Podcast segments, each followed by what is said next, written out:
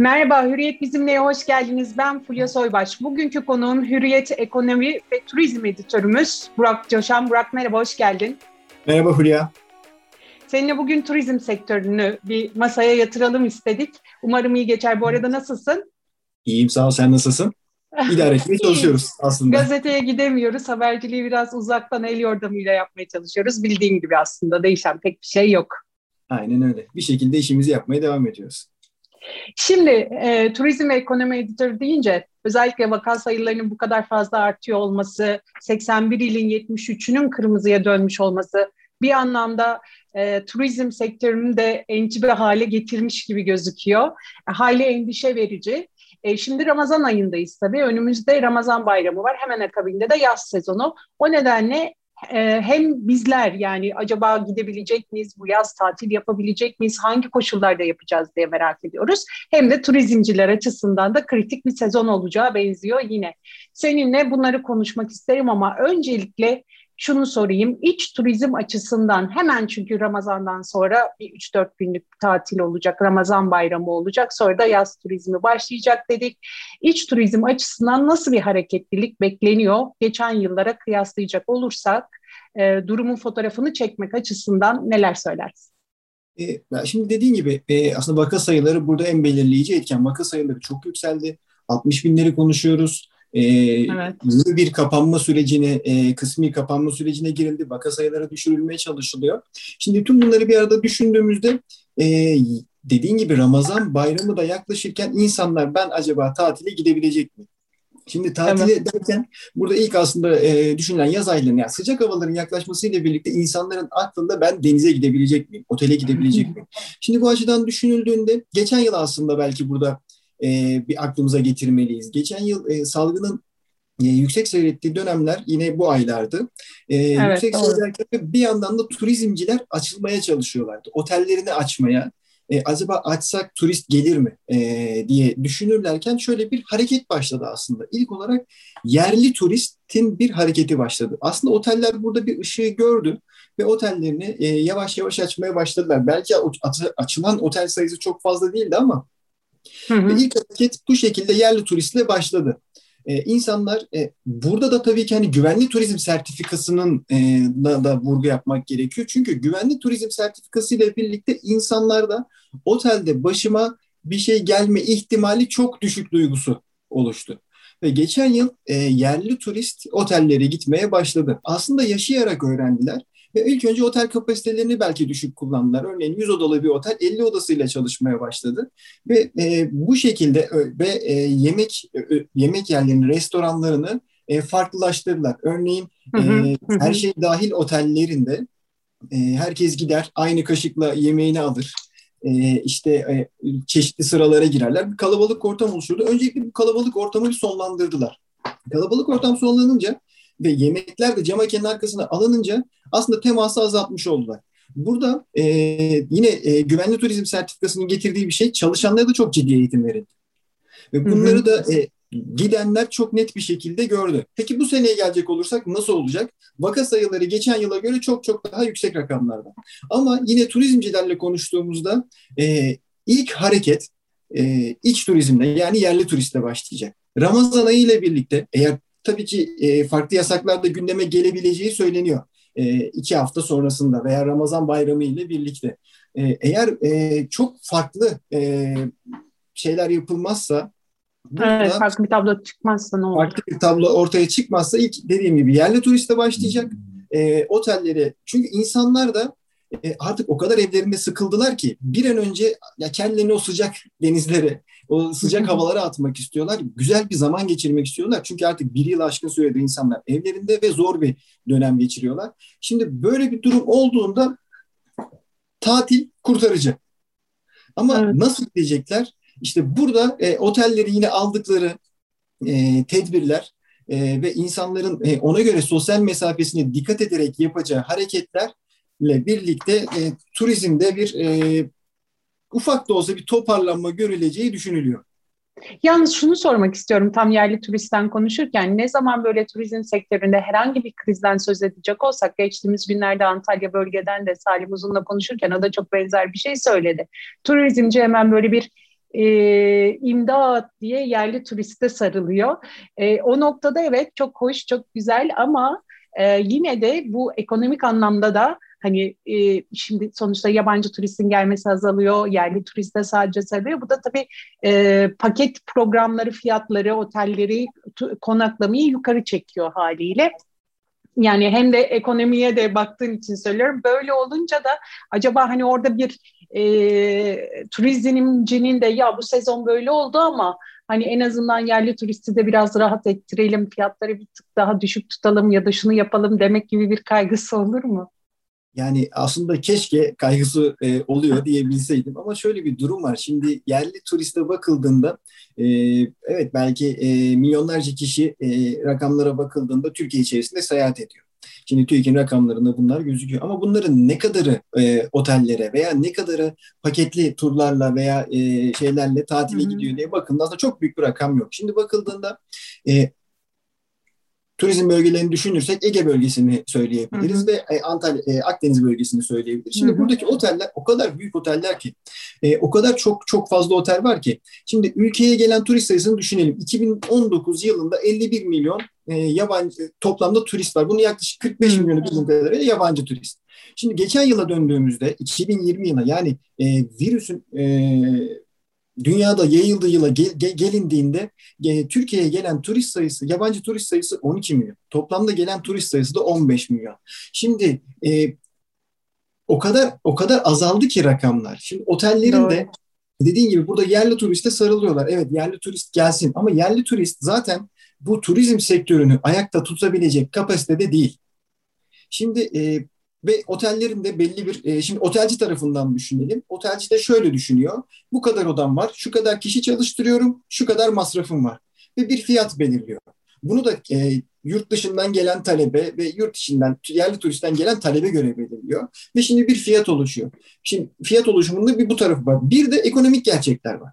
Ekonomik gerçekler işte dövizdeki e, yükseliş veya e, bu yurt dışından gelen demin söylediğim talebe göre bakıldığında döviz yükselmesiyle birlikte fiyatlar da artıyor. Neden dövize göre endeksliyorlar bu fiyatlarını? E, Türkiye'de yaşıyoruz. Çünkü e, örneğin 100, 100 odalı bir e, otelin e, yerli turiste ayırdığı 20 odadır. Yani en basit şekilde anlatalım. Çok fazla yer ayrılmaz. Çünkü çok fazla talep yoktur. Geri kalan 80 odayı yabancı turistle dolduracaktır. E, yabancı turist de ödemesini dövizle yaptığı için hmm. e, fiyatlar da dövize göre belirlenir. Örneğin 100 euroya bir oda satıyorsa bu e, yerli turiste de 100, 100 euro üzerinden fiyatlanır. E, böyle bakıldığında fiyatlar da haliyle tabii ki yüksek oluyor. E şimdi e, gel, geldiğimiz nokta e, yabancı turist yok, otelin boş, e, veya yabancı turist istediğin kadar gelmiyor. Niye yerliye indirim yapamıyorsun? Bu sefer de otelcinin şu mantığı devreye giriyor. Eğer ben bu fiyatı e, 50 euroya düşürürsem gelecek yıllarda virüsün sona ermesiyle birlikte ben bu fiyatı tekrar 100 euroya çıkartamam.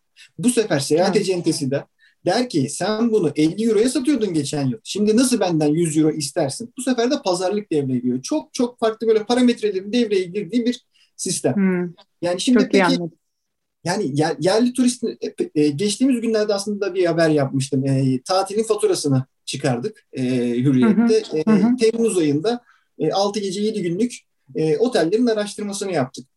90 bin liraya otel var Fulya. 90 bin lira. Ama 600 liraya da var. Şimdi 90 bin liraya e, ve bu normal standart odalardan bahsediyor. Şimdi 90 bin liraya, 60 bin liraya, 70 bin liraya iki kişilik şu anda hala bu fiyatlar geçerli bu arada. Hani e, geçmiş dönem değil. Bir iki hafta önceki olaydan. Hala bu fiyatlar geçerli. Şimdi 60-70 bin liraya da var. 600 liraya da var. Bir pansiyon, bir oda belki alıyorsun. Bir şekilde tatile gidebiliyorsun. Şimdi e, ortalama fiyatlar nedir diyecek olursa mesela Bele'ye bakalım. E, ben neden Bele'ye örnek veriyorum? Belek e, Türkiye'deki turizm destinasyonları arasında öne çıkan bölgelerden evet. biridir. Yerli yabancı çok turistin tercih ettiği bir bölgedir. Belek'te mesela bir hafta tatile çıkmak istiyorsan e, iki kişi Temmuz ayı. Niye, niye Temmuz ayı? Temmuz ayı da en e, sıcakların e, yaşandığı, e, talebin arttığı dönem olduğu için ben Temmuz ayını söylüyorum, örnek veriyorum. E, 15-20 bin lira, 25 bin liraya 6 gece 7 günlük bir tatil yapmak mümkün. Evet fiyatlar yüksek mi? Yüksek. Geçen yıla göre yüksek mi? Yüksek. E, bunu da şöyle söylüyorum. Acentelerle, otelcilerle yaptığımız görüşmede geçen yıla göre yapılan aslında e, zam oranı %20-25 civarında. Yani pandemi var diye hiçbir şey ucuzlamıyor. Yok, Turizmde buna dahil. Az önce bahsettiğim bu fiyatlandırma meselesi e, biraz da hani güvenli turizm kaygısı duyup endişesi duyanları da yok ya otel yerine gideyim de bir yerde bir ev kiralayayım'a yöneltti mi? O piyasada bir hareketlilik var mı? İnsanlar evet. Örneğin karavan turizmi. Ee, geçtiğimiz günlerde Hı-hı. karavan fuarı e, düzenlendi. Burada da e, satışlar bir önceki yıla göre bir aile artmıştı. İnsanlar karavana yöneldi. Karavan kiralamaya çalıştı. Veya e, daha böyle e, nasıl diyeyim e, doğa içerisinde insanlardan uzak e, evler kiralayarak e, e, bir tatil geçirmenin derdine düştüler ve bunu da yapanlar oldu. E, evet sayılar çok yükseldi. Villa, villa kiraları e, bir hayli arttı. Karavan kiraları yükseldi. E, doğa içerisindeki oteller bir hayli ilgi çekti. Bu da artan taleple birlikte fiyat artışını beraberinde getirdi. E, ama aslında şöyle bir şey de oldu. E, hı hı. İnsan ilk etapta koronavirüsle birlikte butik otellere yöneldi daha az kişi, e, daha az odalı, daha az kalabalık olacağını düşünerek butik otellere yöneldiler. Evet ilgi hala devam ediyor ama şu anda e, asıl talep e, çok büyük yüz ölçümlerine sahip. Metrekareleri çok büyük. E, otellerde bir hayli ilgi çekiyor. Bunun sebebi otel alanı büyük, e, bulunduğun e, yerde rahat hareket edebiliyorsun ve sosyal mesafe aslında kendiliğinden sağlanmış oluyor. İşte büyük hmm. yüz ölçümlü oteller bunu sağladı. Şu anda e, genelde e, Antalya bölgesindeki büyük oteller, e, metrekareleri büyük oteller ilgi görmeye başladı. En azından yerli turist açısından. Peki e, asıl ilgi gören yer neresi diyorsan da yani bu dönemde aslında Ege ile başladı. E, Öyle mi? Evet çünkü e, Ege'de fiyatlar e, biraz daha yani Akdeniz'e göre, Akdeniz bölgesine göre Hı. biraz daha düşük. İnsanlar da fiyatı dikkate alarak ilk etapta güvenli turizm sertifikası yani koronavirüse karşı tedbirler alındı mı? İkinci planda fiyat, Fiyatı da işte dediğim gibi Ege'den başlayarak aslında böyle rezervasyonlar yapılmaya başladı. En azından aldığımız bilgiler bu yönde. Peki dış turizmle alakalı sorayım. Çünkü yenice bir karar. Rusya 1 Haziran'a kadar bu tarifeli seferleri ve charter uçak seferlerini durdurdu. Rusya pazarı da Türkiye için özellikle turizmde çok çok önemli. Almanya pazarı, Rusya pazarı. Bu noktadan bakacak olursak şimdi e, ilerisi için yani 1 Haziran önemli bir tarih 1 Haziran'a kadar durdurulmuş olması önemli. Sonrasında ne olur? Ne kadarlık bir düşüş bekleniyor? O bu kaybı daha sonra 1 Haziran sonrasında telafi etmek mümkün olabilir mi? Olursa nasıl olur? Aslında bu konuyu değerlendirirken biraz geçmişe gitmek gerekiyor. Şimdi e, 2016 yılında, e, 2016 yılıyla başlayan süreçte e, Türkiye'de yaşananları bir böyle hatırlamaya çalışalım. E, bombalı saldırılar var. Sultanahmet gibi önemli bir yerde, tarihi, e, turistik bir yerde bir Doğru. bombalı saldırı olmuş. Alman turistler hayatını kaybetmiş. E, bir Rus uçağı düşürülmüş. E, Reyna gibi bir yerde yılbaşı gecesi dünyanın gözünün üstünde olan gözün üstünde olan bir yerde bir saldırı düzenlenmiş. İnanılmaz. Türkiye'de bir, kriz bitmiyordu. Türkiye'de gerçekten gerçekten çok kötü durumlar yaşanıyordu. O süreçte bakıldığında Türkiye turizmi yabancı turist anlamında e, hem Avrupa ile sorunlar var, Rusya ile sorunlar var. E, çeşitli kendi içimizde yaşadığımız bu tip böyle kötü olaylar, terörist faaliyetler var. Şimdi o dönemde e, bir hayli e, kan kaybetti Türkiye turizmi. Hatta rakamlarıma bakayım şöyle bir. E, 25 milyona kadar geriledi yabancı turist. Hmm. Şimdi 25 milyondan bahsediyoruz. Ki biz 40-45 milyonlar, 30, 30, 35 milyonların üzerinde yabancı turist ağırlarken bir anda 25 milyona kadar geriledi. Bu turizm nasıl toparlar? Ya nasıl toparlayacaklar diye sürekli biz bunların haberlerini, sürekli e, konuşmalarını yapıyorduk. Sonra bir baktık bir yıl sonra yükseliş başladı. 32 milyon. Bir anda bakıyoruz ondan sonraki sene 35-40 bir geçen seneye geldiğimizde e, 50 milyon aşan bir turist sayısından bahsediyoruz. Şimdi 2-3 yıl içerisinde 4 yıl içerisinde Türkiye toparlanmayı başarabiliyor.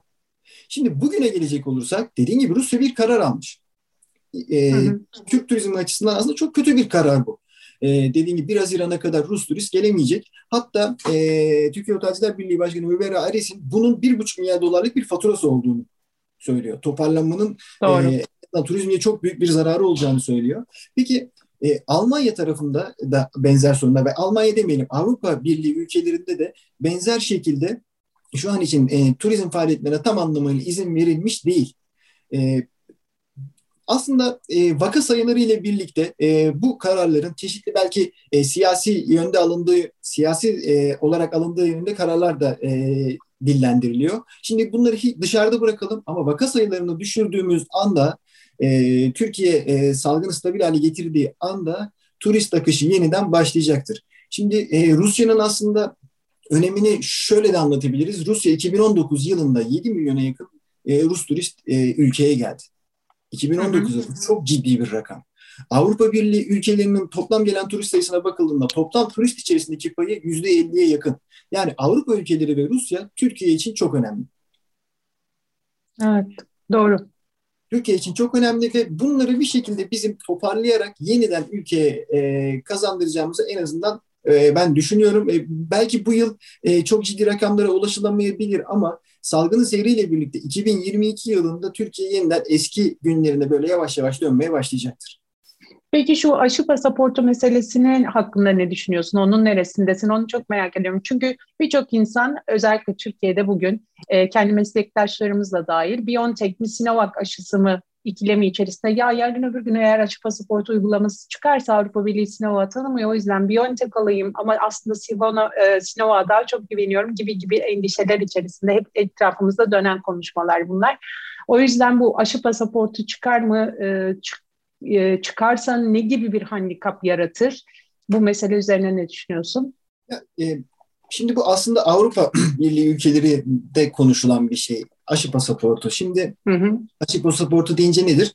E, aşısını olmuş, iki doz aşısını yaptırmış, işte antikor üretmiş veya işte hani bir şekilde aslında e, koronavirüsten daha çok korunan insanlardan bahsediyoruz. Şimdi hı hı. burada aşı pasaportu eğer Avrupa Birliği böyle bir şey devreye alacaksa burada da iki şey söylüyorlar. Çin aşısı ve Rus aşısını dışarıda bırakma. Evet.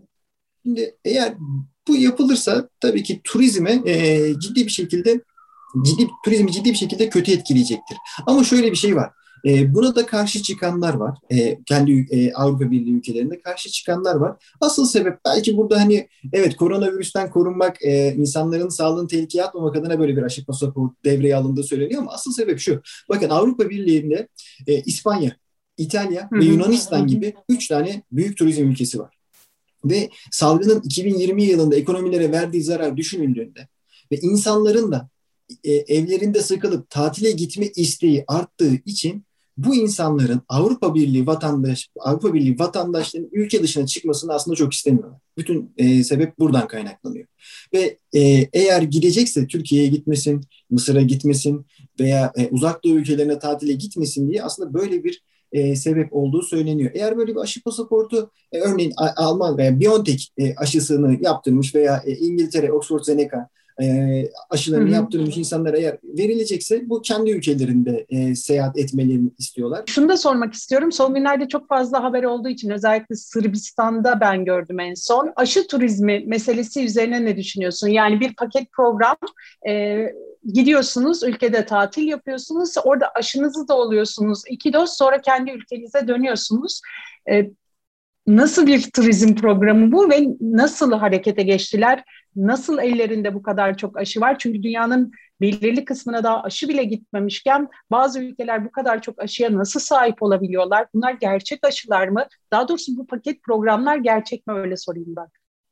Ya şimdi e, bu konuda aslında bir haber yaptım ben. E, Rusya'ya aşı turizmi. Şimdi e, hatta orada e, bu turu düzenleyen acenteye e, gittik biz. E, aşı olmak istediğimizi söyledik. Nasıl aşı olacağımızı bütün ayrıntıları almak için. Şimdi e, ilk etapta e, gidiyorsunuz. E, acenteyle görüştüğünüzde diyor ki e, Rusya'ya size Sputnik aşısını e, vurdurabiliyoruz. Hı hı. Peki nasıl oluyor bu sistem? E, uçak biletinizi alıyoruz. Oradaki otel konaklamanızı ayarlıyoruz. Yanınıza bir tane e, Türkçe Rusça bilen tercüman gönderiyoruz. Ve siz oraya gidiyorsunuz. E, ilk etapta havalimanından indiğiniz gibi anlaşmalı olduğumuz tırnak içinde söylüyorum. Anlaşmalı olduğumuz kliniğe giderek aşınızı yaptırıyorsunuz. Çünkü orada bir en azından... Film bir, gibi distopik. Evet en azından 24 saat 48 saat hani aşıdan sonra ülkede kalmanızı istiyoruz. Hı hı. İşte bu kaldığınız e, süre içerisinde de işte size e, Moskova turu yaptırıyoruz. E, işte e, çeşitli turistik faaliyetlerde bulunuyor şekli bir açıklama yaptık. Dedim çok güzel. Hani nasıl yap, e, şey yapalım satın alacağız. Peki ne kadardır bunun fiyatı? 1099 euro. Bu e, aşıları da e, iki sefer e, vurdurmamız gerektiğini düşündüğümüzde de 21 gün veya 28 gün orada kalmıyorsunuz. E, iki gün, üç gün ilk aşıyı vurduktan sonra e, dönüyorsunuz. 21 e, gün sonra yeniden Rusya'ya giderek aynı şekilde 2-3 gün Rusya'da geçiriyorsunuz ve ikinci doz aşınızı yaptırıyorsunuz. Şimdi e, ilk etapta kulağa çok hoş geliyor. E, sıranızı beklemeden e, işte parasını vererek e, yurt dışına gidip, gidip aşınızı yaptırabiliyorsunuz diye düşünüyorsunuz ama şöyle bir sorun var şurada. Şimdi gittiğiniz yerde anlaşmalı olduğumuz klinik dediği yerde size ne aşısı vuruyorlar? Gerçekten Sputnik mi? Veya e, farklı bir şey mi uygulanıyor burada? Bunu hiçbir şekilde bilme şansınız yok. Ve orada hı hı. size e, bir aşı karnesi verildiği söyleniyor.